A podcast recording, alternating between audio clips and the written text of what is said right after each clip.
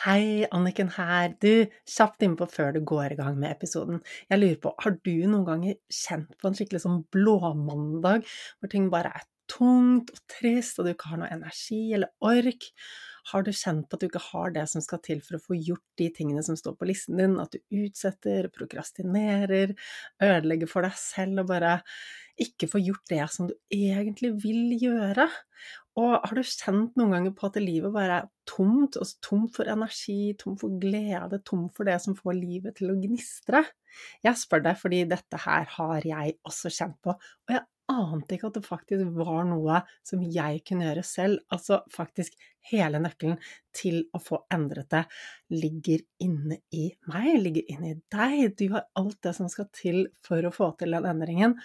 Denne kunnskapen finnes ikke ute i samfunnet. Burde vært pensum? Ja, absolutt.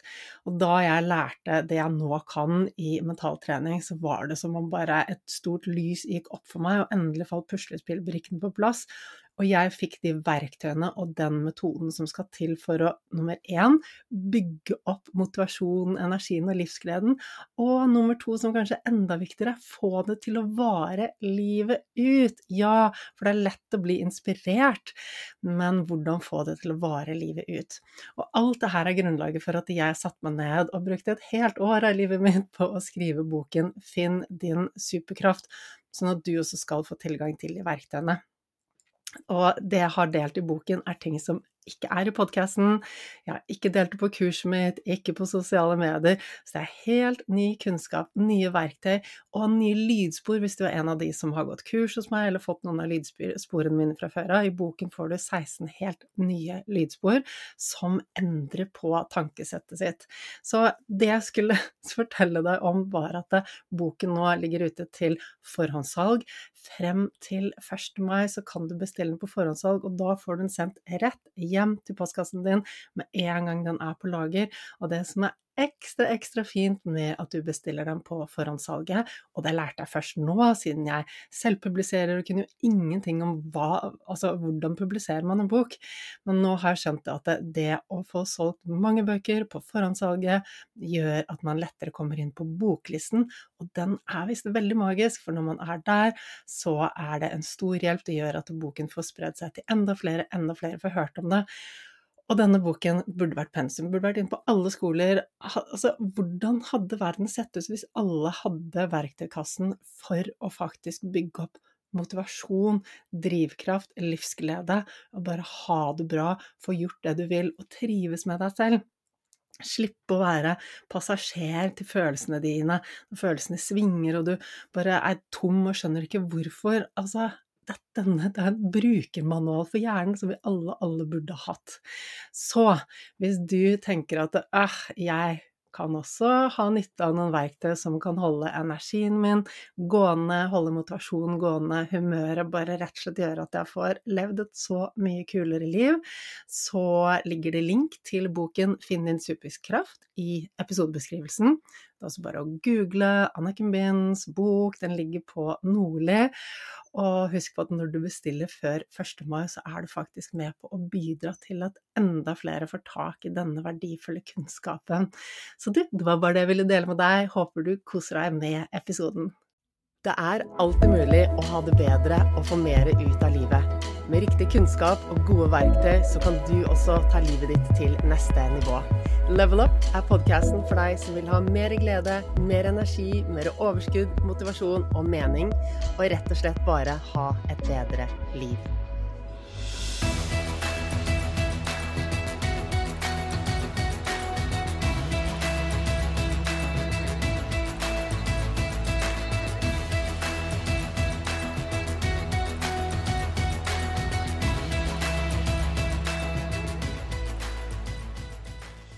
Hvordan kan du bli mer robust? Hvordan kan du stå stødigere i deg selv?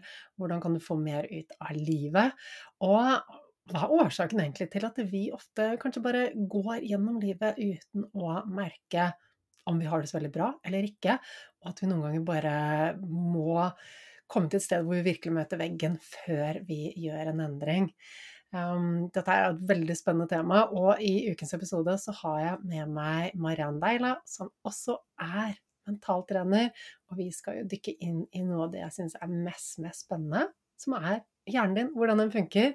Um, hvordan du kan eh, bygge deg selv opp på innsiden med, for å bli mer robust.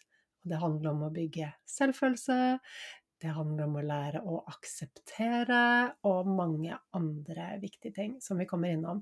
Så jeg håper du koser deg med episoden. Hjertelig velkommen til eh, Level Up, eh, Mariann. Vet du hva, det er så utrolig hyggelig å ha deg med. Veldig hyggelig å bli invitert.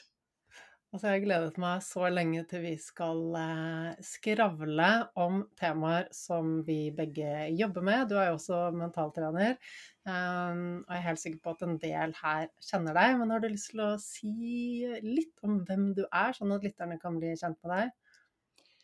Ja, jeg eh, holder til i Porsgrunn, da der jeg driver for meg sjøl som mentaltrener og fysisk trener også. Så jeg jobber jo med, enkelt sagt, da, å hjelpe andre til positive endringer. Så å få det enda bedre i livet. Og så er det jo flere veier inn på det, og da er det jo særlig det mentale som er mitt område. Og så i tillegg har jeg fysisk trening. Det var mer av det før. Det er faktisk ti år siden i år at jeg starta for meg sjøl, så tida flyr. Og da begynte jeg først som PT og hadde det som jeg har kalt for litt sånn nesten kvartlivskrise. Det blir ikke fullt det da hvis du regner på det, men eh, det var eh, Jeg var jo i, rett over 30 år og bare kjente at jeg ikke var helt på rett plass. Og så eh, har jeg jo vært gjennom en egen livsstilsendring, og så var det først fysisk trening som var veien inn, da. Og så etter hvert fant jeg ut at ok, jeg mangler noen verktøy for å hjelpe andre å skape varige endringer. Jeg hadde jo ikke lyst til at de skulle være avhengig av meg. Og det var det som fikk meg inn i mentaltreningens eh, og coachingens verden i utgangspunktet. Og så siden har jeg jo ikke sett meg tilbake. Da har det jo bare vært å gasse på innen det feltet, for det er utrolig givende. Oh, altså jeg fikk gåsehud med en gang du sa 'siden har jeg ikke sett meg tilbake', for jeg, jeg er jo så enig. jeg tror at veldig mange som Eller jeg vet at veldig mange som lytter til podkasten her og går i kurs og liksom ender opp med å, å lære om mentaltrening, de, det er jo ikke noe vei tilbake når man først har åpnet den døren i hodet. Nope. Så eh, nå i dag så er det jo da jeg jobber noe én til én, og så underviser jeg mye i eh, ja, coaching og kommunikasjon, og utdanner jo andre coacher og mentaltrenere i mentalskolen som, eh, som, du også kjenner godt til. Vi har et godt samarbeid der. Eh, og også i Akademiet for personlig trening. For det er jo også veldig bra at personlige trenere lærer mer om det, å, altså om det mentale, og det å ikke minst kommunisere, møte kunden sin der eh, den kunden er. Så det syns jeg er innmari gøy å undervise, da. Så det har blitt mye av det de siste par åra. I tillegg til å skrive. Ja. Formidling! Det er jo litt sånn overskriften, da. I tillegg til coaching 1-1. Mm. Ja, mange hatter og mange prosjekter. Jeg ser jo du er jo så aktiv og legger ut så mye greier på sosiale medier fra når du er ute og trener og har treningsreiser og treningshelger og eh, kjempemye. Um, og det, altså, jeg er jo så enig i deg med at sant, i forhold til livsstilsendring så er det jo det er flere ting å tenke på. Vi kan ikke liksom bare trene eller bare med jobbe det mentale. Så det at du også jobber med Peter, eh, er jo så viktig. Mm. Og så slår det meg at jeg, sant, når jeg snakker med deg, jeg har lest boken din, den skal vi snakke om, og, og når jeg snakker med veldig mange andre som, som, som kommer inn i mentaltreningens univers, så er det ofte sant, Folk har vært på søken etter å få det bedre. Det har vært sånn OK, livet burde vært bra, det er ikke bra, jeg er ikke fornøyd. Eh, hvor kan jeg begynne å gjøre en endring? Og så er jo der folk veldig ofte starter, er kanskje enten med kosthold eller med trening, som er helt normalt. Um, og så oppdager de da etter hvert at ok, men det er ikke nok. Nei. Nettopp. Uh, og det, det, var jo sånn for min egen del òg, at jeg først altså, hadde Altså hadde masse utfordringer, helseutfordringer, særlig i 20-åra, hele det tiåret. Da sprang jeg rundt i hamsterhjulet og stressa som en uh, gærning for hva? Ja, for å prestere, få ytre anerkjennelse. Jeg, jeg, var jo ikke bevisst, jeg visste jo ikke helt hvorfor jeg gjorde som jeg gjorde. Den gangen var jeg journalist, da, og jeg likte jo godt det yrket, men det var litt sånn jeg var ikke så bevisst på hvorfor jeg jobba med det jeg jobba med, og det handla veldig mye om å rekke tidsfrister og få den neste første sida og alltid levere, levere, levere. Og så fikk masse fysiske plager. Hadde mye problemer med pusten. Klarte ikke å liksom, trekke pusten godt ned i magen. Blei svimmel. Hadde vondt. Og det flytta seg rundt i kroppen. Det var liksom ikke ett sted det var vondt. Det var bare helt sånn flytta seg rundt. Og jeg, og jeg i årevis søkte etter løsninger på utsida av meg sjøl. For jeg var jo så sint på disse At ikke kroppen fungerte. Og jeg bare kjempa imot. Jeg skulle i hvert fall ikke hvile. Fordi at Jeg forbandt det med å være svak, og at det, eh, identiteten min var å være den der som gassa på og alltid jobba litt mer enn alle andre. Og det Og jeg har prøvd alt, Anniken, av forskjellige behandlinger. Eh, alt fra typ, liksom, tradisjonell fysioterapi, psykomotorisk fysioterapi, kiropraktikk, naprapati, homopati, refleksologi, healing, eh, koppingmassasje Jeg vet ikke hva jeg ikke prøvde. Yoga prøvde jeg også, når jeg overhodet ikke da var klar for det. Jeg var så stiv. Jeg skjønte ikke hvordan alle andre klarte å sitte i sånn lotusstilling, og de så så komfortable ut. Jeg bare svetta opp etter. Jeg måtte sitte inntil en vegg, og han yogainstruktøren sier 'Jeg har aldri sett et så stivt menneske før'. Han sa. Veit tenna sammen. Og så, er det jo ikke, så var det jo ikke For veldig ofte så er det jo sånn at vi kan Det er jo ikke sånn plutselig så snudde alt, det var ett vendepunkt. Det var jo flere vendepunkt. Og for meg så var det jo et vendepunkt det å få barn, det å møte mannen min, flytte hjem til Porsgrunn fra Oslo og forlate riksmedia, da. Så det var jo fortsatt å flytte på mye av de ytre tinga, ikke sant. Og som selvfølgelig også hadde en innvirkning på meg, fordi på det indre livet mitt. For at jeg fikk perspektiv. Eh, traff mannen min. Han, altså, må, jeg likte meg selv gjennom hans blikk. Altså måten han Altså den varmen og måten han møtte meg på. Altså det fellesskapet som vi har skapt sammen, da. Og få barn, ikke minst. Det gjør jo også noe med at plutselig så var jeg ikke bare den arbeidende Mariann, jeg var jo også mamma.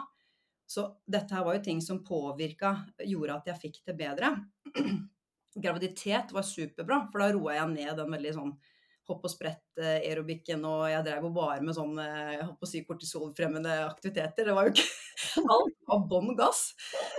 Mens da kunne jeg ikke, fordi jeg fikk kjenner av det, og det var jo veldig bra.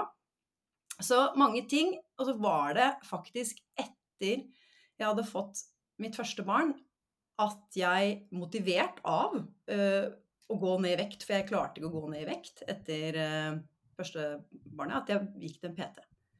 Så det var egentlig startpunktet på mange måter. Fordi uh, Ja.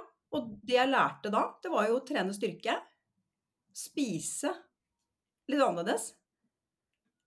Og, og jeg var helt blown away av hva, hvilken innvirkning det hadde på min kropp. da, Hvor godt det var også for muskler og skjelett, og at jeg Altså, jeg blei jo Smertene gikk jo over, ikke sant. Altså, de hadde jo allerede begynt å slippe etter graviditeten og sånn, men det var jo en annen måte å trene på. Og det var jo det som gjorde at jeg blei litt eh, sånn nyfrelst, at jeg bare OK, jeg skal redde verden. Jeg skal få andre til å begynne å trene styrke. Og så var det veien inn og startpunktet, da. Eh, på det som seinere fikk meg inn på mentaltrening. Så det er jo gjerne sånn at det er, og sånn har det sikkert vært for deg òg, vil jeg tro, at det er brikker, og så er det én brikke som faller på plass. Så, men det var jo ikke før jeg virkelig skjønte at det, det, var det indre spillet jeg skulle ta tak i, og selvfølelsen min. Det var jo, det var jo et veldig vendepunkt da jeg forsto hvorfor jeg hadde holdt på som jeg hadde, hadde gjort. Mind-blowing. Ja, jeg var jo ikke forberedt på det, for jeg begynte jo på coachutdanningen for å bli en bedre PT. Ikke ante jeg ikke sant, hvilken effekt det skulle få for meg personlig. Mm. Altså, ja, altså, her er det så mye vi kan snakke om, da, og du deler jo alt dette i boken din, og jeg syns det er et, et, det, det, beste med boken din, Mariann, er å lese dine personlige beretninger om det du har opplevd, eh, hvordan du har utviklet deg. Fordi altså, Jeg er sikker på at de som lytter her nå, også kjenner seg igjen i de tingene du deler. ikke sant? Det at eh, ja, du um, du var, du var ikke bevisst på at det ikke var bra. Du hadde utfordringer, og de møtte du ved å kjempe hardere. Ja. Du fikk en løsning. Ja. Det, det måtte jo kunne finne de, Hvorfor så de ikke noe på bildene? Ja. Jeg ble så irritert. Jeg ville jo ha et svar med to streker under, Ja. og at jeg skulle gjøre det og det og det. Ja. Men du, jeg er nysgjerrig, ikke sant? For du, du, du sier jo at du ikke var bevisst, og det er klart at det, det er ikke før vi skjønner sammenhengen. Men, og, og, du, og du jobbet for å finne en forbedring, så du prøvde liksom alle mulige slags type terapier og måter og alt å jobbe på, og liksom du var de kroppslige plagene. Men i hvor stor grad var du bevisst på at du ikke hadde det bra liksom mentalt sett? Jeg var nok ikke altså for, for Når jeg ser tilbake på det, så er det jo ikke sånn at jeg hadde et Jeg tenker jo ikke at jeg hadde et elendig liv. Mm. Eh, jeg- Fordi Jeg hadde jo ikke det, eh, for jeg hadde jo også Men det var bare sånn det var. Jeg, jeg visste jo ikke hva jeg ikke visste om, hvis du skjønner hva jeg mener. Så, så det var som det var. Det som nok gjorde Det som svekka min livskvalitet, det var jo at kroppen min ikke funka. Yes. Og det var det som motiverte meg til å gjøre endringer. Jeg gjorde det ikke før jeg hadde kniven helt Altså, det var eh, Kombinert med selvfølgelig at jeg møtte mannen min, da. Det blei jo også en sånn noe jeg bevega meg mot, hvis du skjønner. At det ikke bare var det jeg bevega meg bort fra. Mm. Så den kombinasjonen av at en kropp som var helt i ulage, og jeg var helt fortvila. Jeg var så fortvila. For jeg, jeg søkte svar, og så skjønte jeg jo ikke hva det var. Og, og da tenkte jeg nå har jeg det jo ikke bra. Jeg, tenkte, jeg vil jo ikke ha det sånn. Når det virkelig toppa seg, ikke sant. Og det gjorde det jo egentlig sånn i midten av 20-åra rundt, da jeg møtte mannen min, egentlig. Det var eh, så, sånn at når jeg da flytta hjem da, og fikk en ny jobb, så var det jo ikke sånn at ting blei veldig mye bedre med en gang. Det gjorde jo ikke. Det, det var jo en prosess, men likevel. Det var det som gjorde at jeg liksom Når jeg hadde hatt det ille nok, kroppslig nok, lenge nok Altså at det var At jeg bare Jeg må gjøre noe. Og så var det å bytte jobb. At jeg bytta jobb først, først fra journalistikken til en jobb i det offentlige. Som var veldig bra, for jeg trengte det for å roe hele systemet, altså nervesystemet. Jeg, jeg, var i helspenn. Jeg husker etter at jeg, jeg, skrev, jeg skrev jo masteroppgave. Da var jeg jo Det var fra jeg var 26 til 28 i statsvitenskap.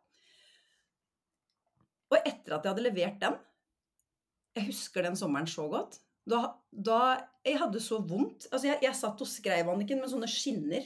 For at jeg hadde så vondt. Og, så, og satt og liksom Og jeg hadde så vondt. ved å på ferie. Verka over hele meg. Jeg husker jeg gikk til en akupunktør, da, og han hjalp meg for, til å liksom få roa.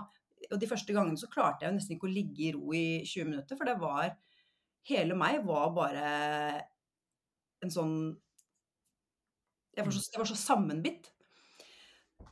Og da Sånn at det å jobbe i det, øh, få en kontorjobb, da, som jeg gjorde da eh, Først på rusfeltet, seinere i politiet, som var mye mer sånn rolig.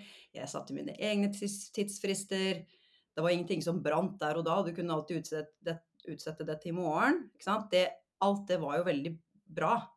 Eh, og da skjønte jeg nok mer av Det var vel først seinere, når jeg liksom skjønte at kroppen og kroppen fungerer, det er jo da du kanskje virkelig, eller i hvert fall jeg, satte virkelig pris på og skjønte hvor ille det hadde vært. Så jeg vet ikke om det, det var et veldig langt svar på spørsmålet. Men, Men eh, altså, det her er, det her er så bra, Mariann. For jeg, jeg vet jo at det her det her gjelder jo de fleste.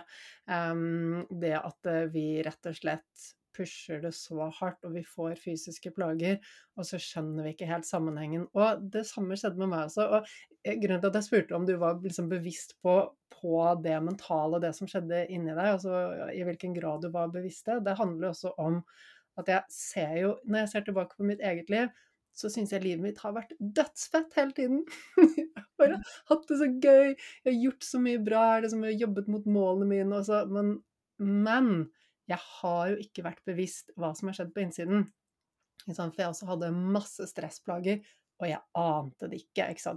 Helt oppblåst mage, fordøyelse som var helt ute av eh, kontroll. Masse PMS-plager. Jeg hadde jo Altså, nå Jeg, jeg delte akkurat Jeg hadde en sending inn i medlemskapet mitt. Jeg delte akkurat at jeg nå, og dette har gått mange år å komme dit, men når jeg får mensen nå, så er det ingen craving, ingen oppblåst mage, ikke noe vondt i magen, ingen humørsvingninger. Energien er den samme. Og det er bare sånn Ja, det har tatt meg mange år å komme dit, men for meg så var det sånn som det var før, var normalen. Sant? At magen var litt i ulage, energien svingte, huden ikke var så helt som den skulle. Altså, alle PMS-plagene, det var bare sånn det var. Mye stiv nakke, eh, skuldre, hodepine etc. Jeg, jeg klarte ikke å hekte det på indre stress. Eh, og i, i, mitt hode så var det sånn Men alt er bra, jeg gjør jo masse kule ting. Og jeg levde virkelig ut drømmene mine, det gjorde jeg. Men det var hele tiden en sånn indre eh, sånn kvern som gikk sånn Hva tenker de om meg? Å, jeg burde heller sagt det. Hvorfor sa jeg det? Eh, kan jeg ha på meg dette? Hva kommer de til å tenke om meg? Den kontinuerlige kvernen som gikk, som var helt ubevisst. Eh, for det var bare del av denne var. Det, det er en vane, vi gjør det hver dag, vi tenker det hver dag. Og det stjeler så mye energi. Og det skaper så mye indre stress. Jeg ante det ikke.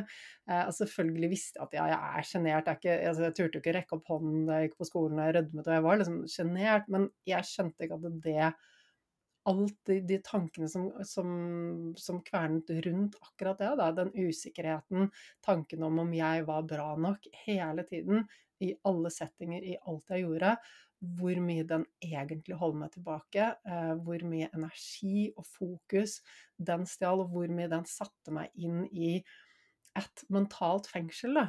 Eh, og, så, er det sånn at eh, ja, når vi er yngre, så tåler vi jo mer, men jo eldre vi blir, jo mer ansvar, jo mer jobb, jo mer, jo mer belastning vi har. På et eller annet tidspunkt så tåler jo ikke kroppen mer belastning, og da, da, får vi de fysiske plagene som vi kanskje ikke fikk før. Um, og det samme skjedde jo med meg også. Da jeg gikk inn i liksom Ja, jeg hadde Alt hadde funket fint helt frem til jeg fikk barn fordi da hadde jeg ekstra kapasitet.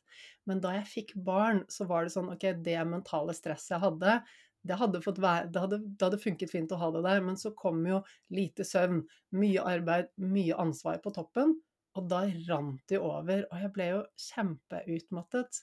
Og jeg hadde jo, ikke sant, og da hadde jeg to små barn født på rappen, ikke helt planlagt, men de kom med kort mellomrom. Mann som jobbet sene kvelder, som var gründer.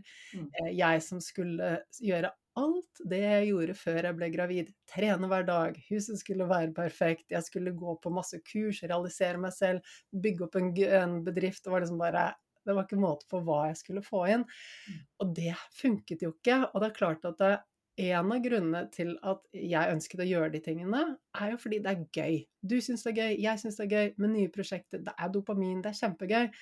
Men den andre siden av det er også det at vi føler oss mer verdifulle når vi gjør ting og presterer og får de positive tilbakemeldingene. Så, så jeg catchet ikke at alt det der var prosesser som skjedde inni meg, og i tillegg da jeg begynte å bli mer sliten, så hadde jeg sant, mindre overskudd. Du vet jo hva som skjer da, vi sover mindre, og da begynner vi å tenke mer negativt, irritere oss over ting. Mm små ting som bare er bagateller, de vokser bare. Og når vi driver og irriterer oss over masse ting og liksom bruker mye mental kapasitet på eh, ting som egentlig bare er bagateller, men som blir negativt, så skaper det også mer stress, som gjør oss enda mer utmattet. Mm. Så, um, så ja. ja. ja. og jeg, det er så det du, jeg, du setter virkelig ord på eh, jeg setter så godt ord på det, altså, hvordan det også var for meg. For det, jeg, tenker, jeg, skjønte ikke det, eh, det bare, For det bare var som det var. Det er litt som at du er på en fjellhylle, da. Og så Her var det ganske fin utsikt. Men så har du ikke sett opp at det er jo flere fjellhyller du kan klatre opp på for å få enda finere utsikt. Men vi, det vet du jo ikke, ikke for du sitter på den fjellhylla. Og sånn er bare livet. Mm. Nå ikke, vi visste jo ikke om de sammenhengene. Og vi var ikke bevisst på det. Og sånn sett så har jeg tenkt på det mange ganger. Tenk om jeg hadde lært det som vi nå, da, eh, lærer bort til andre tidligere. Mm. Og det er jo det som er så viktig, det er jo det som er så gøy med den jobben som vi gjør. At, kan, at det er mer tilgjengelig for også de som nå vokser opp. Og at, og at foreldre blir bevisst på dette her og kan lære barna sine det. Sånn at de kan bli mer bevisste og være klar over disse sammenhengene, da. Altså, og det er jo ikke sånn Denne kunnskapen om det mentale, det er jo egentlig ganske nytt, så, så jeg har jo stor forståelse for at det ikke liksom har vært del av uh, grunnopplæringen vår. Mm. Men uh, det er på tide at vi får en endring der, fordi den kunnskapen om hvordan hjernen funker, eh, hvordan vi er skrudd sammen, og hvordan vi egentlig bare kan snu det, det, det redder jo liv, ikke sant? Um, for noen så er det forskjellen på å liksom, ha det godt med seg selv og ikke ha det godt med seg selv. For andre så henger det mer sammen med liksom, kroppslige plager eller ikke, prestasjoner. Men absolutt alle har potensial, har veldig godt av å jobbe med å forbedre selvfølelsen sin. Mm. Ja, og, og, um, og det er den der sammenhengen som du også sier mellom de fysiologiske og det mentale, det også tenker jeg er litt sånn underspilt, eller hvor utrolig viktig det er, da. Også fordi at mange kanskje Det er som du sier, vi blir mer sårbare for negative tanker og følelser når kroppen, eller kroppsbudsjettet vårt, da, er i minus. Og bare det at noen ganger så er det det som også er problemet, at OK, eh, du må sove mer, du må hvile mer. Du må også selvfølgelig krever jo det en del ofte mentalt å få det til i praksis. Men samtidig hvor stor effekt da, eh, det fysiologiske har på den emosjonelle stabiliteten. Det er så ufattelig viktig. Ja, det er så ufattelig viktig. Og, og, så er det jo litt sånn som du sier, det er litt sånn høna og egget, da. Ikke sant? Det går jo begge veier. Eh, har du liksom mye indre mentalt stress, så påvirker jo det selvfølgelig søvn og, eh, og overskudd og alt sånn. Og det å ha lite overskudd, det påvirker også eh, tankesettet vårt, rett og slett. Altså vi blir Vi får på svartere briller når vi har lite overskudd. Og det er så, altså, det er så lett å ta og føle på det. Fordi noen hvis man ikke er klar over det, og vi kanskje har sovet litt lite, har litt lite overskudd, så er plutselig verden svart, og vi er motløse, vi mister motivasjon, ting er liksom uten mening. Og så er det lett å grave seg ned og bare OK, hva er det som er galt, og liksom det, Altså, hvordan skal jeg det, Livet er liksom som en lang, svart tunnel, og dette her kommer jeg ikke ut av. Og noen ganger så handler det rett og slett bare det at vi ikke har overskudd. ikke sant? Og jeg føler, nå som jeg vet dette, så er det så utrolig lett for meg de dagene hvor jeg, jeg skjønner at jeg har mindre overskudd, så merker jeg ok, det er lettere for meg å gå til liksom de negative tankene. Og da er det sånn Ja, men det er helt greit, jeg skjønner hvorfor. Det er ingen krise. og så er det de dagene hvor jeg bare ah, nå har jeg så mye overskudd, og bare Jeg føler meg uovervinnelig fordi at jeg kan få til alt i livet. Og så er det så deilig å kjenne på den følelsen, og så vite at ok, den følelsen er tilgjengelig når jeg tar godt vare på meg selv, når jeg sover og stresser ned og alt det. Og kjenner jeg at eh, jeg mister den følelsen, så er det noe jeg kan gjøre for å komme tilbake dit. Ganske god motivasjon. ja. ja. Så, og, den, og, og, det som du påpeker der, at når vi har den kunnskapen, så er det lettere å akseptere at det er sånn. Altså lettere å I hvert fall sånn er det for meg, at det er lettere for meg å møte meg sjøl med mer vennlighet da, når jeg merker eh, at jeg er mer gretten, eller eh, hvis jeg kjenner at det er rett før eh, mensen, eller altså at jeg merker at jeg kan være hissigere, eller også Å ja, å ja, ja, ja men, ja, men det har med det å gjøre. Eller hvis jeg tenker Hvor godt har jeg sovet, hvor mye har jeg jobba? Mm, OK, yes. Så, og bare der er Det er jo en kjempestor endring i seg selv, istedenfor å bli irritert på at jeg blir irritert. Og, og dømme meg sjøl for at jeg eh, føler meg sånn, så er det mer å ja, ok. Det er lettere å stoppe opp da, og være mer ja, aksepterende overfor det som skjer på innsida. Ja, og der sier du noe viktig, Mariann. For det er jo ikke sånn Når vi ikke vet hvorfor ting skjer, så, så blir vi litt mer offer, ikke sant? Eh, og vi også lettere dømmer oss selv for at vi ikke er perfekte, ikke sant? Vi kommer og kritiserer oss selv. Og igjen, det bare trekker oss enda lenger ned i, uh, i det svarte hullet.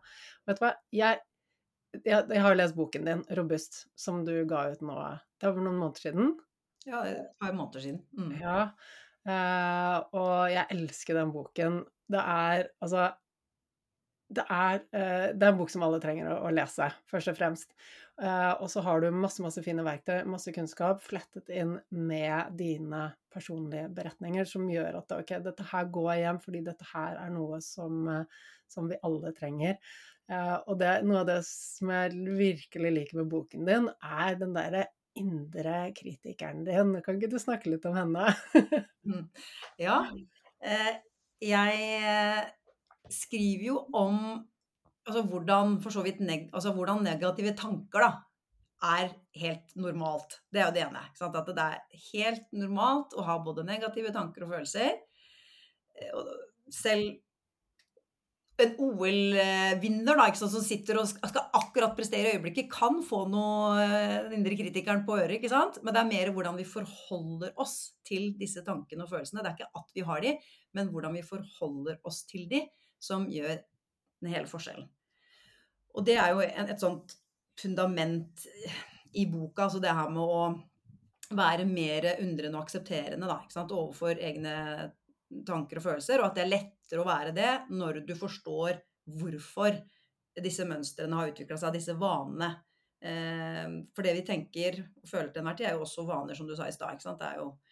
Så, så, det er litt sånn, ok, så når vi da forstår det, så vi forstår, forstår at det er gamle beskyttelsesmekanismer, eller at den indre kritikeren har jo også en god intensjon. Altså at det er, det er, jo dømmekraften vår som blir veldig overdrevet, kan vi vel si. At det er en beskyttelsesmekanisme. Og en måte da, å øve seg på å forholde seg til egne negative tanker på en ny måte, det er å lage en sånn slags figur. Uh, altså det er jo en måte å, å, ta et steg ut på og kunne betrakte tankene sine utenfra. Det er en mental teknikk. Ja, altså jeg elsker det. Kjempebra. ja, og, og uh, min figur, da Uh, Lag din egen sabotørfigur, kaller jeg den øvelsen i boka. Min figur, hun heter Mary.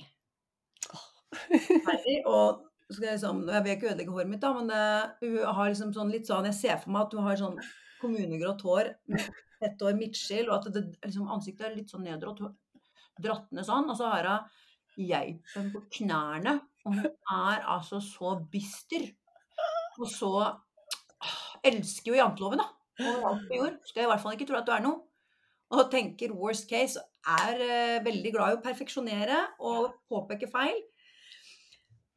Og ved, ved å egentlig ikke kjempe mot Mary, for det funker ikke. Hvis vi kritiserer vår egne indre kritiker, så blir det bare mer kritikk. ikke sant? Altså mm. kritikk pluss kritikk blir enda mer kritikk. Og det er jo mer det der å kunne få et litt mer sånn hmm, aksepterende, avslappa forhold til den indre stemmen. Og det hjelper meg da, når jeg tenker at ja, nå er det Mary, Mary som kommer en liten tur. Og det som har skjedd med årene, er jo at hun er veldig lite dominerende i min mm. tankestrøm. Hender jo at hun er veldig glad i å banne òg, for øvrig. Banner ganske mye. Så innimellom, hvis jeg er litt sånn stressa og irritert eller ikke, da kommer den der bannende Merra. Eh, og så er det, det er så mye lettere å kjenne det igjen, da. Ikke sant? Å kunne også liksom Å ja. ja når, og så er det ikke så farlig. Det er litt sånn Ja ja, der kom den tanken. Sånn blast from the past, og så Ja. Og så i tillegg er det Noen ganger så kan det være litt lurt å høre på, på Mary òg. At kanskje hun har eh, At det er et budskap da, i det hun sier, mm. som uh, det kan ligge noe i. Så det er jo ikke sånn Så det er vel mer bare det der å bare være At det er en hjelp for å bli igjen mer undrende. Uh, ikke bare ta den tanken for god fisk, men kunne vurdere gyldigheten i den, da, når mm. den kommer. Og noen ganger så er det bare liksom å se på som en litt sånn plagsom uh, banke på døra 'Nå skal jeg inn.' Nei da, du kan komme deg videre. Jeg gidder ikke den geipen i dag. altså, det er helt fantastisk. Jeg elsker den øvelsen. Jeg elsker bare det bildet av uh, Mary. Og, uh, og, så utrolig nyttig, for det er jo sånn som du sier det, at ok, de tankene som er vanetanker, da, og som vi tenker om oss selv, vi vi har jo sluttet å stille spørsmålstegn med det. Vi bare, vi bare absorberer alt som en sannhet, som, som, at det er sånn det skal være, og, og lar alt gå inn. Men det å, å gjøre en øvelse sånn som, sånn som å finne, finne, opp sin egen Mary, det er jo en måte å sant, begynne å stille spørsmålstegn ved det, begynne å distansere seg. Ok, det er greit, tanken kan være der. Vi trenger ikke liksom det er ikke meningen at vi må dytte bort Mary, men, men, hun kan være der. Men jeg har også mulighet til å stille spørsmålstegn ved det hun sier. Er det Vil jeg liksom være enig, eller er det bare Mary som har en dårlig dag? Ja, det er jo hjernen min som prøver å beskytte meg ved å gjøre meg mer perfekt. Og det er bare å få det litt på avstand. Eh, og så vite da det som du også snakker om så fint i boken, det at ok, det her er helt normalt, det her har alle. Det er en beskyttelsesmekanisme. Hjernen din skal bare sørge for at du er så perfekt som mulig, sånn at du ikke kan drite på draget. ikke sant? Og at du overlever i fellesskapet! så liksom, da, da, får man liksom tatt alt det av skuldrene. Det er ikke noe galt med deg, det er helt normalt. Det er hjernen som bare gjør det hjernen skal gjøre. Alle har det sånn, men vi må ikke la det dominere oss. Så jeg syns Ja, og det er jo fascinerende, ikke sant. Når vi hvis, ja, ikke er bevisste, da, så er en, kan vi jo ha en tendens til å vektlegge de negative tankene mye mer enn de positive. For vi mm. tenker jo flere ting. Mm. Det er jo det som er. Eh, så det er jo noe med da å kunne sette, trykke inn den indre pauseknappen, da. Og så la den tanken bare være, og så flytte, eller velge den andre tanken, som er mer oppbyggende.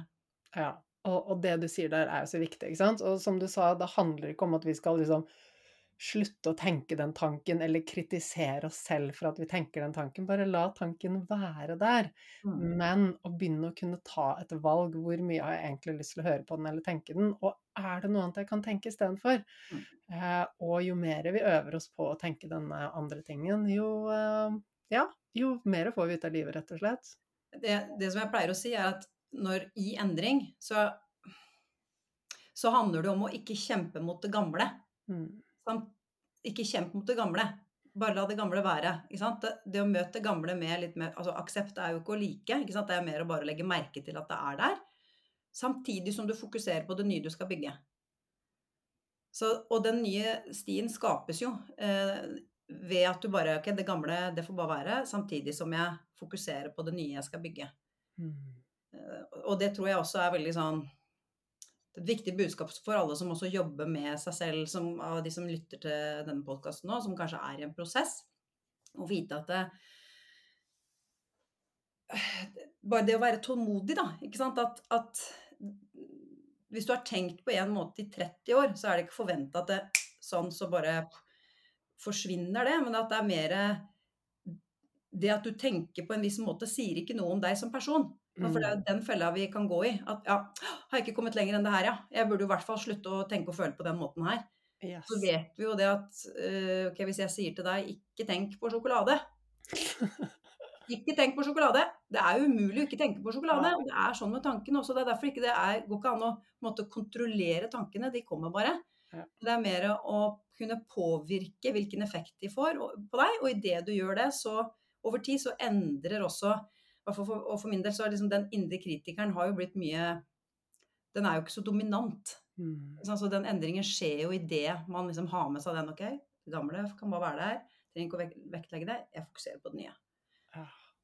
Ja, så, så, viktig. Også, og det du sier der, da, dette med at ok, har jeg tenkt på den måten i 30 år, i 40 år, kanskje 50 år Vi trenger litt tålmodighet kanskje en del tålmodighet for å klare å begynne å snu det mer og mer. Det er ikke gjort på en dag eller to eller noen uker. Det, det tar tid. Og jeg hadde senest i dag den samtalen, for jeg hadde en eh, sending med, med medlemskapet mitt. og en som, som, er der, hun bare åh, jeg har liksom jeg har opplevd så mye endring siden jeg startet på kurs og ble med her, men likevel så kjenner jeg at det og det og det og det, så ser jeg bare Hun bare hva skal jeg gjøre? Så ser jeg bare at det tror ikke du kommer til å like svaret, men det handler om tålmodighet.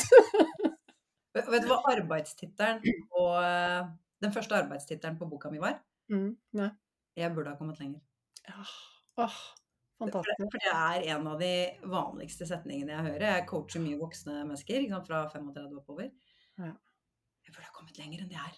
Ja. Jeg burde ikke tenke å føle sånn som dette her. Altså, det er den der forventningen som mange har til eh, hvordan det indre livet skal være som er en del av problemet ofte. Ja. Og nå er jeg blitt voksen, ikke sant, og jeg har hatt en lederstilling og gjort sånn og sånn. Jeg burde kunnet be, skjønt bedre, jeg burde Ja. ja. Så det er jo ikke på ytterbane. Ofte har de oppnådd veldig mye på ytterbane. Sant? Men det er mer jeg burde ha kommet lenger her inne. Mm. Så um, normalisering av um, negative tanker og følelser, det er så viktig. Ja, eh, kjempeviktig. får et nytt forhold til de. Altså, herregud, ja. Eh, og jeg liker det. Du har jo noen veldig fine ting om aksept i boken, og det er jo det er jo noe av det mest utfordrende vi gjør, det å akseptere det vi ikke kan gjøre noe med. Um, og, og, grunnen til at det er vanskelig, handler jo igjen om hjernen som vil beskytte oss. Den vil at vi skal være perfekte, og den kan ikke akseptere at vi ikke lever opp til de høye forventningene vi har. Um, og dette her er noe som folk Det tar tid. Jeg tenker at vi trenger også liksom å komme til et sted hvor vi Altså, det er høna og egget igjen, da, det å bygge opp selvfølelsen og bli mer robust. En del av det er jo å begynne å akseptere seg selv, og så trenger vi også å bygge opp en viss indre trygghet for å tørre å akseptere oss selv. Og, og det går jo begge veier, vi trenger jo å jobbe i begge retninger. Um, og jeg, eh, jeg har hjemme, da, så har jeg det, det er et speil i huset hvor hver gang jeg ser meg i det, så ser jeg hver eneste rynke, hver eneste ujevnhet. Jeg ser så blass ut, og jeg bare sånn Åh, jeg skvetter litt når jeg ser meg selv i det speilet. og så har jeg to andre speil, heldigvis på badene, hvor det er sånn dust lys. Og så har jeg begynt, nå er jeg 46, jeg har liksom sånn aldersnærsynthet. Jeg ser ikke så godt på nært hold. Så når jeg ser meg i de speilene, så ser huden min så fin ut. Helt perfekt ut. Ikke sant? Så jeg har, der, jeg har to speil i huset, og jeg kan selv velge hvilket speil jeg kan se meg i. Ja, det ene, det er veldig lite flatterende. Jeg ser hver eneste rynke. Mm. Men jeg trenger ikke stå og nistirre i det speilet. Jeg kan velge å gå til de andre speilene som har på eh, kan, kan, si et litt sånn hyggeligere filter, da. Og mm. jeg selv kan jo bestemme hvordan jeg vil se på meg selv. Vil jeg dypdykke inn i alt det som jeg kanskje ikke syns er så topp med meg selv? Eller vil jeg bare holde fokus på de tingene som jeg kan være fornøyd med? Og jeg jeg vet jo at med en gang vi begynner å granske de tingene vi ikke er fornøyd med med oss selv, så vokser de og vokser og tar mer plass. Og vi legger ikke merke til det, men det påvirker oss så mye når vi ikke er fornøyd med oss selv. Altså, og, det, og det er som du sier, denne indre kritikeren, den er jo ubevisst, den kommer snikende inn, alle har den. Men om vi ikke er fornøyd med oss selv, Altså, ingen er 100 fornøyd med seg selv, men det handler om den der aksepten. Hvis vi ikke klarer å akseptere de tingene vi ikke er fornøyd med, og lar det vokse og vokse, vet du hva? Vi har det ikke noe bra. Det mm. påvirker oss i alt. Det blir som en sånn derre eh, En sånn negativt slør som bare trer seg over oss, som gjør at vi ikke klarer å være helt til stede når vi er sammen med andre, fordi vi går liksom og, og kverner og tenker på dette. Mm. Det, liksom, det, blir, det tar så mye plass, da. Uh, så, og det er liksom til syvende og sist så er det et valg, fordi jeg vet at mm, Nå har jo ikke jeg navn på en indre sabotør, men det, det, den øvelsen skal jeg gjøre. Finne. Og et eller annet uh ja, vi må finne et kult navn. Ja, finne et kult navn. Og det er sånn, jeg kan, jeg kan, selv velge hvor mye jeg vil at den sabotøren skal ta plass eller ikke. Og jeg vet, og jeg har prøvd det mange ganger, at lar, den, lar jeg den få ta mye plass, mm. og høre på den, og lar det bli det som altså, spiser opp tankene mine, så har jeg det ikke noe bra. Jeg går rundt med sånn konstant ubehag, indre stress ikke tilfreds, ikke glad, og da klarer jeg ikke å være til stede med familien min. Og for meg så er det viktigste, viktigste, viktigste av alt at jeg har det bra i livet mitt, og at jeg får mest mulig ut av livet mitt. Og hvis jeg først har valgt at det er viktig for meg, så impliserer det samtidig at jeg også trenger å velge hvilke tanker jeg skal altså dyrke, da. Mm. Eh, og dette handler ikke om å legge lokk på det og skyve det bort, men det handler rett og slett om hva vil jeg dyrke, hva velger jeg å akseptere. Ja, nå er jeg 46 år gammel, jeg har levd et liv, vært mye ute, eh, stresset mye, spist dårlig mange år. ja, det, eh, det bærer, eh, bærer kroppen min preg av. Skal jeg velge å kjempe imot det, eller skal jeg akseptere det? Hvilken av de to strategiene vil bidra til at jeg har det godt eller ikke? Mm. Og da er det, hvis jeg først har tatt det valget om at ja, jeg, vil at jeg vil få mest mulig ut av livet, altså jeg vil ha det bra. Og når jeg sier ha det bra, så betyr det ikke å være sånn sprudlende lykkelig hver dag, men å være tilfreds med livet og kunne ha fokus på de tingene som bidrar i livet mitt. Eh, og når jeg har tatt det valget, så impliserer det også samtidig at ja, men jeg kan ikke drive og holde på med masse strategier som ødelegger for meg. Det er jo rett og slett et valg. Ja, og, og den aksepten, da. Altså, er, den bygger jo bro til Ikke nødvendigvis som du sier at det alltid handler om å føle seg lykkelig, men, det, men den bygger bro til eh, ro. Mm. og, og og, mer klarhet til å kunne ta disse valgene. Fordi at når vi kjemper imot, så er det jo Da blir det det stikk motsatte. Da, da virvler det jo opp. Og, eh, og det er så sant det som du sier der, at det er det vi fokuserer på. Det påvirker vi selvfølgelig hvordan vi, hva vi bruker energien vår på, og hvordan vi føler oss på, på innsida. Og at det med aksept det blir ofte litt misforstått. For mange tenker at ja, hvis jeg skal akseptere det, da må jeg jo Det er jo egentlig å virkelig godta det, eller det er å like det. Eller det er å gi opp endring. Ja. Og, og det stemmer ikke. Så, ikke sant? så det er jo aksept et annet ord som går an å bruke, det er å tåle. Ja. Å tåle eh, f.eks. den prosessen av å bli eldre, som uansett Vi trenger ikke å like det. Det er en del av livet. Ikke sant? Og så kan vi jo akseptere at sånn er det, samtidig som vi kan gjøre det beste ut av det vi har.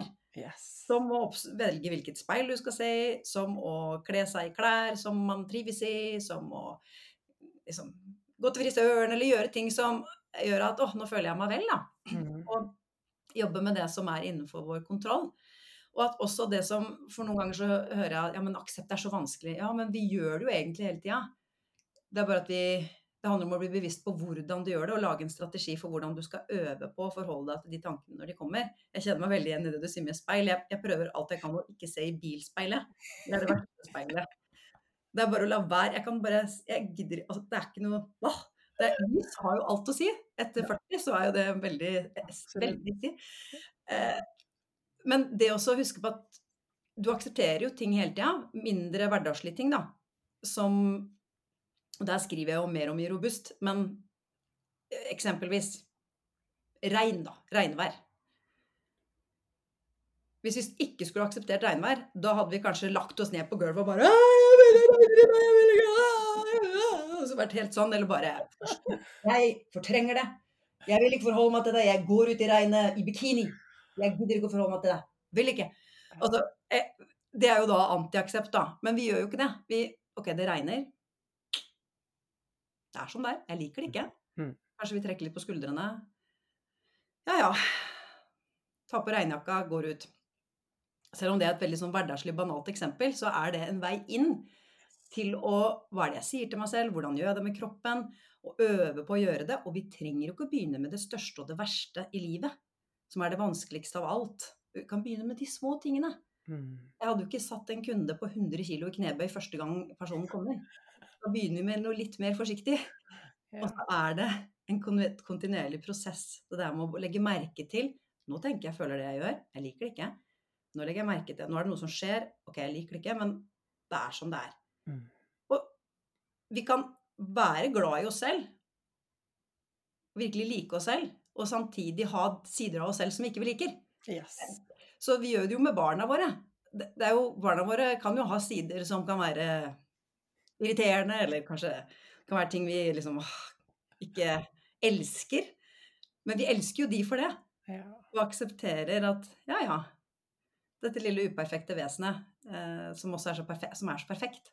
Altså det er, og det er jo det samme, det er jo den samme måten å møte oss selv på. At ok, så kan vi fokusere på de, øve på da, fokusere på de sidene ved oss selv som vi faktisk setter pris på. Ja. Ja. Og det er så viktig. Det- du sier at for Aksept er noe av det vanskeligste, men vi må ikke, liksom, vi må ikke hoppe ut fra Holmenkollen første gang vi skal hoppe på ski. Vi, vi begynner på påskerennet på hytta hvor vi har bygget opp et 10 cm hopp. Vi gjør det, det der hvor det er overkommelig å begynne å trene på det. Eh, og også det du sier med at det liksom OK, folk tenker kanskje noen ganger at det å akseptere er å kapitulere. Eh, nei, det handler ikke om å kapitulere, men det handler om ok, hva skal jeg bruke energien min på? Det jeg ikke kan endre, eller det jeg kan endre. For det er alltid noe vi kan endre, og det er gøy å forbedre seg, det er gøy å endre seg, men det er ikke veldig gøy å stå og stange hodet i veggen fordi vi gremmes for noe som vi ikke kan gjøre noe med. Ja, og jeg vil jo egentlig si at aksept er jo det beste utgangspunktet for endring.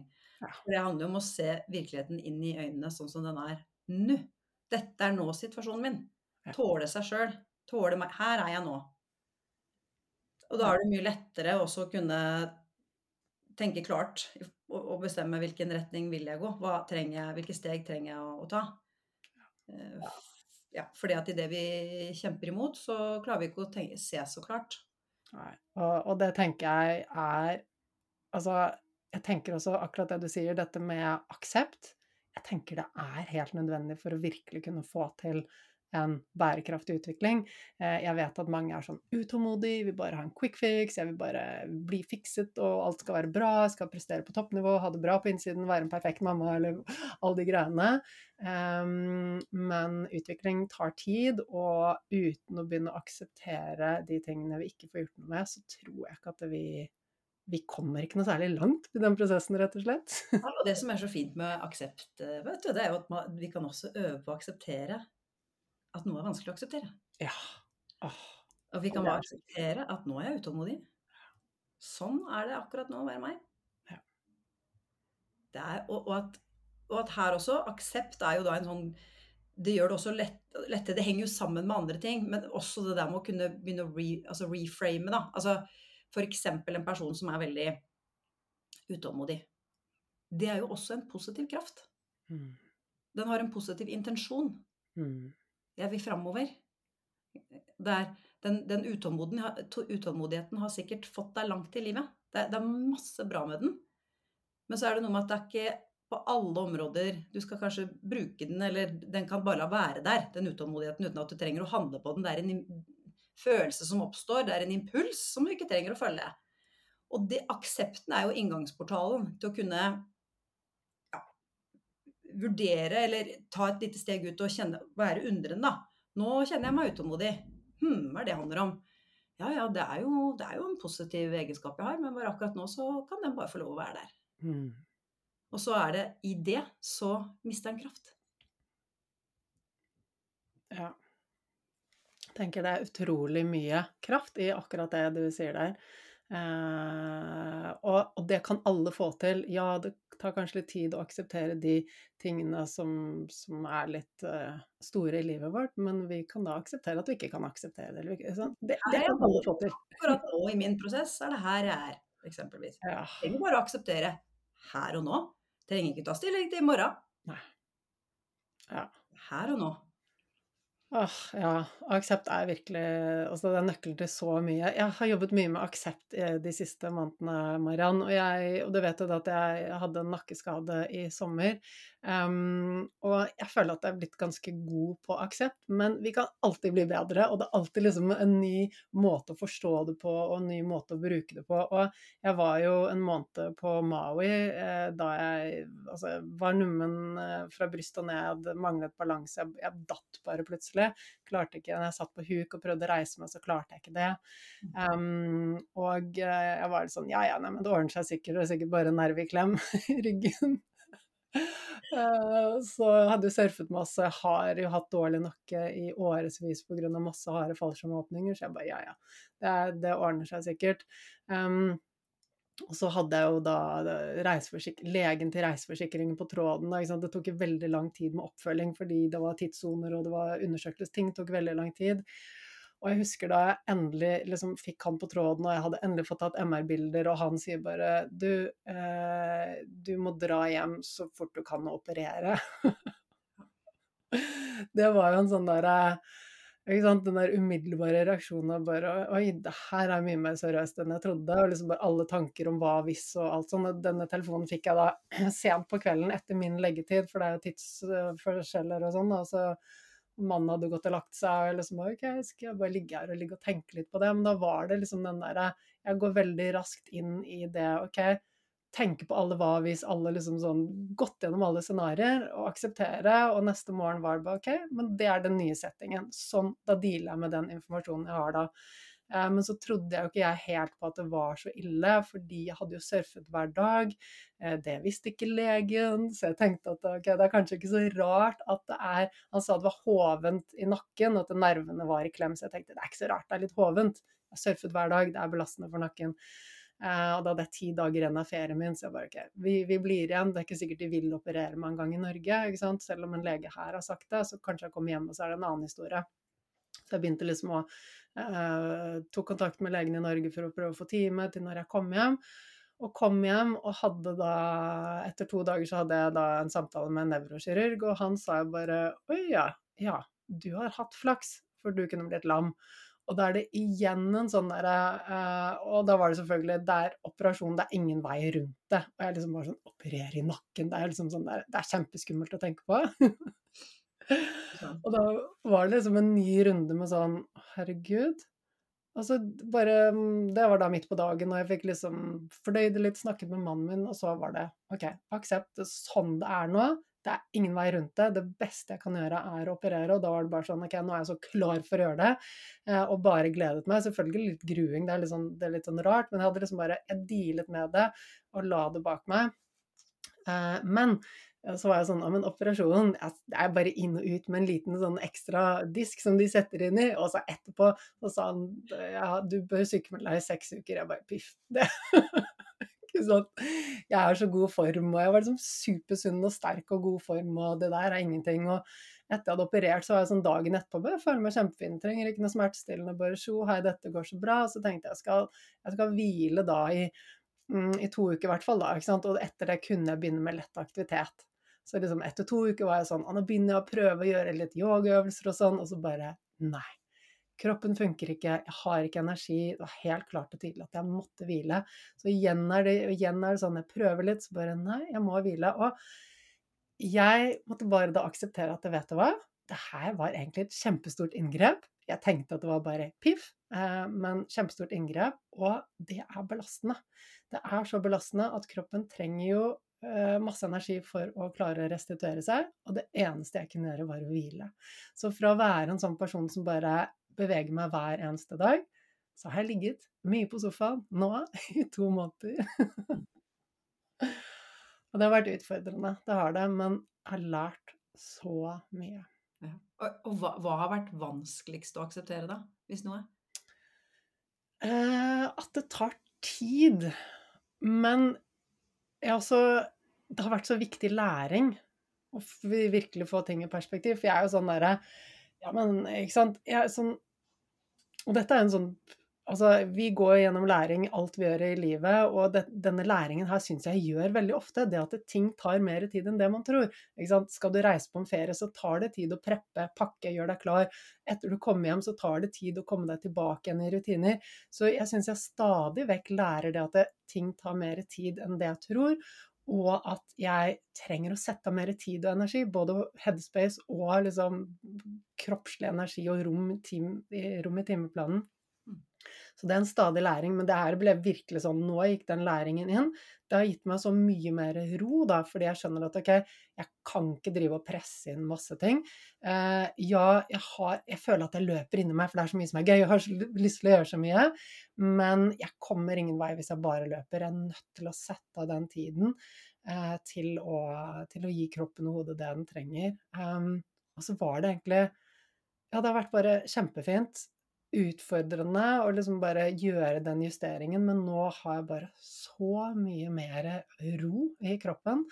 Um, så ja, det har vært fint. Ingenting er så gærent at ikke det er godt for noe. noe at det kommer noe ut Altså, det er jo helt uh, utrolig inspirerende å høre om. Altså det, det, det du har opplevd, og virkelig hvordan det må ha vært ja, liksom to, sikkert to skritt fram noen ganger, så tilbake igjen. Og så at Å, nå tror jeg at det går bedre. Og så, så hele tida eh, må, må, hente fram den. Og det er jo egentlig det aksept er i praksis. At det er hele tida. Det er derfor det er, det er en prosess. En livsvarig prosess. Mm. At i det å Ok, her er jeg nå. Og så forventer jeg kanskje noe annet. For det er jo der følelsen oppstår. I gapet mellom det vi forventer, og det vi erfarer gapet mellom det vi forventer og det vi erfarer. Og der er det jo ofte Det er ofte gap. Mm. Og så blir det jo det der å klare å liksom OK, kjenne igjen det når det skjer, anerkjenne den følelsen. Det er OK å være skuffa, ikke sant. Det er OK å bli oppgitt, det er OK, OK å bli utålmodig. Og så, ja, hente det fram igjen og igjen, da. Ja, helt klart. Hvordan er, hvordan er formen nå, da? Du, den begynner å bli kjempefin. Altså, forrige uke så var jeg ute og surfet fire ganger, og jeg hvilte hele tiden mellom slagene, for jeg skjønner jo at det var kanskje litt sånn ambisiøst, men båten skal ut av vannet, surfesesongen er over, kroppen var endelig eh, sterk nok til å gjøre det. Så det var kanskje sånn litt intenst, men jeg hvilte hele tiden, og eh, jeg føler meg i kjempegod form. Eh, men hver gang jeg skal prøve å bevege meg litt Så i går så gikk jeg en liten tur, og så var jeg sånn Jeg prøver et par løpeskritt. For jeg følte meg så glad, bare alt er liksom så bra. Altså. Men jeg, altså, jeg er fortsatt bomull i bena. Ikke, nervefunksjonen er ikke helt tilbake. Så det er veldig sånn jeg har ikke helt kontroll på benet, men jeg tok noen løpeskritt og sånn, og det kjentes deilig ut. Men da kjenner jeg med en gang etterpå at musklene i nakken de bare spenner seg ja. eh, for å bare beskytte og stabilisere og alt det som er. Så jeg skal begynne med fysioterapi neste uke. Det som er så fint, er at du, du kjenner det jo, og så stopper det opp. Ja. Og så høres, høres, det ut som at du har en helt fantastisk eh, altså optimisme og, og, og, bare og klare å tenke OK, dette går bra. Så, og det, du kunne jo tenkt helt motsatt. Dette går til rett vest, og dette kommer aldri til å gå. Altså, nå kommer jeg til å aldri kunne gjøre sånn og sånn, sånn og sånn og sånn igjen. Altså bare tenk deg den forskjellen. Mm.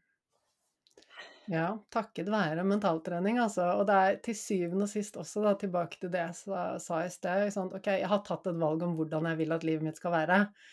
Og det gir noen forpliktelser, da, hvis jeg skal holde meg til det valget. Og og da trenger jeg å tenke så konstruktivt som mulig. Og det er klart at det ligger jo masse års trening bak dette, så for de som lytter, så det kanskje, høres det kanskje ut som det er veldig sånn Åh, det høres umulig ut. Og da jeg brakk jo armen Altså, jeg har jo vært mye på sykehus i år, for jeg brakk jo armen i påsken og gikk jo rett fra jeg akkurat klarte å begynne å belaste armen, til at dette med nakken skjedde. Um, men da jeg brakk armen, så var det sånn Da jeg landet, så skjønte jeg Det var på snowboard. Ikke sant? Da jeg deiset i bakken, så skjønte jeg med en gang at den er brukket. Det er ikke første gang jeg brekker noe. Og da var det sånn Da går alle scenarioene rundt i hodet sånn om Å, shit, det og det og det. Og sånn, jeg bare skanner hodet for alle liksom implikasjoner og alt sånn. Og så når jeg skannet det, så er jeg bare OK, nå er jeg ferdig med det. Nå bare dealer vi med det, og så bare har vi fokus på å komme fremover. Um, jeg fikk ikke så mange kommentarer bare, men jeg skjønner ikke at jeg liksom ikke gikk mer inn på det. Jeg tok det virkelig så lett på det. Men det er klart at det, det ligger årevis med trening bak det. ikke sant? Kan jeg også bare spørre, altså sånn før da, før du lærte mentaltrening, ja. hvordan var du da? Var du mer pessimist? Altså... Um, både og. Nei, altså jeg har alltid hatt en tro på at alt er mulig. Eh, og at jeg kan få til alt jeg vil. Eh, og sant, i forhold til dette med eh, armbrudd og sånn, jeg har jo jeg har, jeg brukket masse ting før. Eh, jeg har liksom vært i fallskjerm- og basemiljøet hele livet mitt, og der har jeg sett folk deise i bakken, og det har gått mye mindre bra enn en det. Så det er klart at det, alle de erfaringene har liksom gjort at jeg står mye lettere i de tingene. Så det er ikke bare mentaltreningen. Um, så jeg har alltid hatt et optimistisk tankesett med tanke på at ting ordner seg, og at jeg kan få til ting. Men jeg har også vært ekstremt negativ. Jeg har hatt et veldig sånn negativt fokus og bare hengt meg opp i det negative, eh, kvernet på det negative. I mine øyne så var jeg litt mer sånn Jeg er bare realistisk. Jeg bare liksom snakker om ting hvordan de er. Jeg er en realist. Ja. ja, jeg er en realist. Men jeg har vært veldig, veldig negativ. Og det er ikke medfødt, for jeg vet at da jeg var liten var jeg en solstråle, men det er bare sånn det har utviklet seg over tid. Og det er jo sånn det er. ikke sant? Vi, hjernen den legger merke til de mer begrensende tingene, og så blir det en vane. Det vokser og blir mer og mer av det. Så jeg liksom, hver gang jeg skulle noe, hver gang inn i en ny situasjon, så var det alltid liksom de begrensende tingene jeg hang meg opp i. Eh, hvorfor ting var irriterende, hvorfor det var dumt, hvorfor liksom et eller annet. Og, og det hektet jeg meg fast i. Um, og det har jeg jobbet masse med å endre på, og der har jo aksepten kommet inn. Det å ikke gråte over spilt melk, det bare gir slipp på ting. Det har jeg bevisst trent på i mange, mange år med mentaltrening. Ikke noe som går over natten. Absolutt ikke. det har tatt meg mange år, men så befriende å ha den evnen å kunne gi slipp da, på disse tingene. Mm. Yes. Og, det, og, jeg tenker også at da for de som lytter til podkasten, så er det jo For der kan vi også være litt forskjellig, sånn personligheten vår. ikke sant? At vi Eh, jeg kan jo bare se det på barna mine, at de er jo to, veld, to veldig forskjellige barn, hvor hun ene er mye mer sånn, kat, liksom katastrofetenker, mer engstelig av seg, har vært det fra hun var liten, mens hun andre er litt sånn ja, ja, det går fint. At vi er jo også født med litt ulikt lynne, ulikt temperament, ulik, ulike tilbøyeligheter da, i personligheten vår.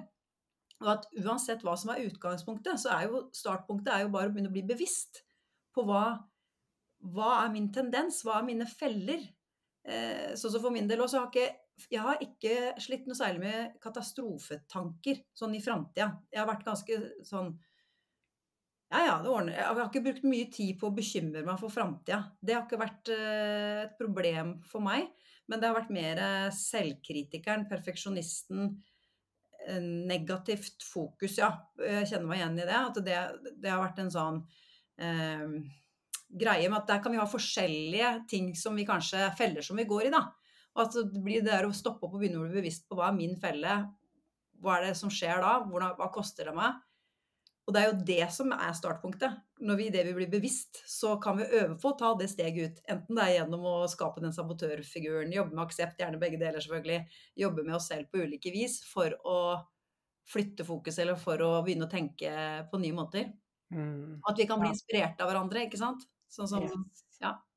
Ja, ja, så viktig. Altså, altså, to barn som er helt ulike. ikke sant? En som bare er happy-go-lucky, og den andre som er ja, litt mer ting, ting er galt. Så, så, som ser på verden gjennom uh, ulike briller. Mm. Uh, og det er klart, de har hatt litt ulik påvirkning fordi Eh, den ene ble født før jeg hadde lært noe om mentaltrening. Den andre ble født da jeg hadde begynt å lære mer. Eh, men de har ulik, eh, ulikt utgangspunkt, sånn som du sier. Og så er det jo sånn OK, vi har et utgangspunkt, vi har liksom Vi har ulike personligheter, og jo mer vi gjør av det den tendensen vi har, jo sterkere vil jo den bli, ikke sant. Jeg var, jeg var Altså, moren min sier at jeg våknet et stort smil på morgenen hver dag. Eh, og det forsvant etter hvert da liksom verden ble bare irriterende og frustrerende og svart, og i tillegg til liksom mye bekymring for hva andre tenkte om meg. Og så det tok overhånd. Og nå har jeg sakte, men sikkert Altså, jeg har brukt årevis på å snu det, det, det er ikke noe quick fix, men um, mm. det kunne ikke falle meg inn å gå tilbake til et liv hvor jeg har på meg svarte briller når jeg ser på verden, det, og det hadde jeg ikke orket. Nei, det, det forsurer virkelig livet. Det gjør det. Også, mm. og en, en, annen ting også, som, jeg tenk, som, jeg tenkte jeg kunne smette inn her, da, det er jo også det med at Heldigvis så er det ikke sånn at selv, selv de sidene ved oss selv som vi anser som negative, da. La oss si f.eks. at uh, ja, man katastrofertenker, da for mye. Går inn i en gitt framtid, tenker det verste. Selv det ligger det jo styrker i. Ja.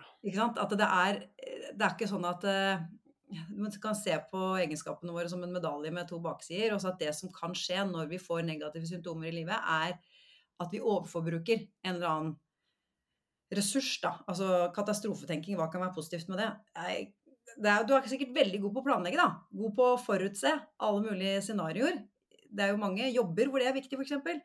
Og, og at det å kunne se fram er bra, og samtidig så handler det om å tøyle den, da. Ikke sant? At ikke den blir overdrevet. Eller hvis man er veldig omtenksom. Velbryr seg veldig om andre. Det er fantastisk. Hva skjer hvis det overforbrukes? Da kan vi bli selvutslettende. Og så Å, vi er glad i å prestere. Vi er glad i å utvikle oss. Flott, det. Men hva skjer hvis det overforbrukes? Sånn at det er for det også ser jeg hos mange som kommer til meg også, at de, de kan se på seg sjøl gjennom en veldig sånn sort-hvitt-filter. At det er noe gærent med meg fordi at jeg tenker å gjøre sånn som det. Men at det er noe med å hente ut hva er ressursen i det, og samtidig gi slipp på det, eller øve på å gi slipp på de delene av det som, som, ska, som skaper trøbbel, da, eller som forsurer livet. Mm. Og at uh, de barna vi har òg, at de kan ha forskjellige egenskaper, og så ligger det forskjellige styrker i det. Den kanskje er mer, ene er mer sensitiv, kanskje også mer kreativ. Mm. Og kanskje mer eh, få med seg mer. Er mer liksom tuna inn på andre. Mm. Og så som foreldre så kan vi støtte de i å utvikle det som er ressursene, men veilede de til å balansere, da. Ja. I den ja. andre retningen. Ja, du, det, og det er så viktig det du sier her, ikke sant. Det, Og det er ikke sant, igjen da aksept. Vi er alle ulike, vi har alle ulike styrker og svakheter. Det handler jo om å kunne liksom, bruke det på mest mulig konstruktiv måte, balansere det. Eh, har litt sånn nyansert syn på selv, da, ikke sant. Selv om Eh, jeg har en tendens til å være sånn og sånn og sånn, så betyr ikke det at det er noe galt med meg. Eh, ikke sant? Men hvordan kan jeg bruke det på best mulig måte? Eh, og det du sa i sted også om at ok, vi har alle et ulikt utgangspunkt når vi starter på denne mentale reisen og på å utvikle oss selv og endre oss selv. Vi har alle et ulikt utgangspunkt. Eh, og vi kommer aldri til å komme ut gjennom den utviklingsprosessen på samme sted. Det er ikke meningen at vi skal være like eller passe inn i en mal hvor vi er perfekte, selvutviklede mennesker. Eh, vi er alle ulike, og det ligger så mye styrke i å akseptere det. Eh, og, og romme det og bruke våre styrker og svakheter på en mest mulig konstruktiv måte. Amen. Amen. Altså, for en fantastisk samtale. Her kunne vi sittet og skravlet i timevis, eh, Mariann. Jeg anbefaler alle å lese boken din. Der er det så mye gull å ta med seg. Masse fine øvelser. Og hvor finner man boken hvis man vil kjøpe den? Den finner du i alle bokhandlere, for så vidt, på nett. Uh, og uh, i mange av både Nordli og Ark fysiske butikker også. Det kan variere litt. Grann. Det er nok flere Nordli-butikker som har boka enn Ark. Men all, all, alle på nett har det. Også på mariandeilo.no kan du også gå inn og bestille. Ja. Jeg kan legge link i episodebeskrivelsen. Og hvis folk vil følge deg på sosiale medier, hvor finner de deg da? Da er det Mariann Deila. Rett fram. At Mariann Deila, så finner du meg der. Både på Facebook og Instagram. Herlig. Du, så fantastisk. Um, veldig, veldig fin samtale. Uh, som sagt, her kunne vi bare skravlet i timevis. Det her kunne vi jo skrevet en hel bok om, Anniken. Ja, det, det, har jeg gjort, og det holder du på med. Ja. Apropos bokskriving, det, det, er en krevende prosess. Ja, det, det er en tålmodighetsprøve. Vi får virkelig øvd på aksept uh, da, og ikke minst uh, fokusere på det vi får til, framfor det vi ikke får til. og du har skrevet andre bøker før også, det vet jeg. Ja, det var min tredje, dette er min tredje bok. Ups, da mistet vi hvis Mariann helt, helt på tampen, så ble connection borte av en eller annen grunn. Uh, nå er det sånn at noen ganger så er det bare å akseptere det man ikke kan gjøre noe med. og bare go with the flow. Så du, jeg håper du fikk eh, med deg masse verdifull innsikt her i denne samtalen anbefaler deg å lese boken til Mariann, 'Robust'. Den er kjempefin. Um, og virkelig ja, vil ta deg enda videre inn i de temaene som jeg også brenner sånn for, og snakker så mye om. Tagg gjerne Mariann og meg på sosiale medier når du lytter til episoden.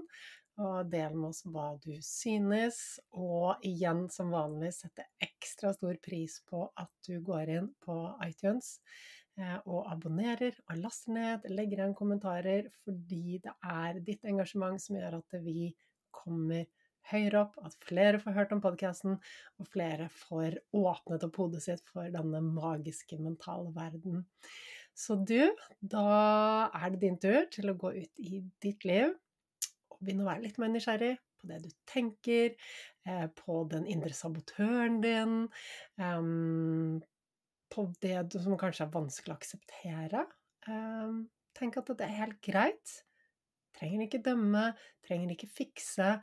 Bare aksepter, og aksepter eventuelt at du ikke kan akseptere, sånn som Mariann sa. Og du, da gleder jeg meg til å se deg igjen neste uke.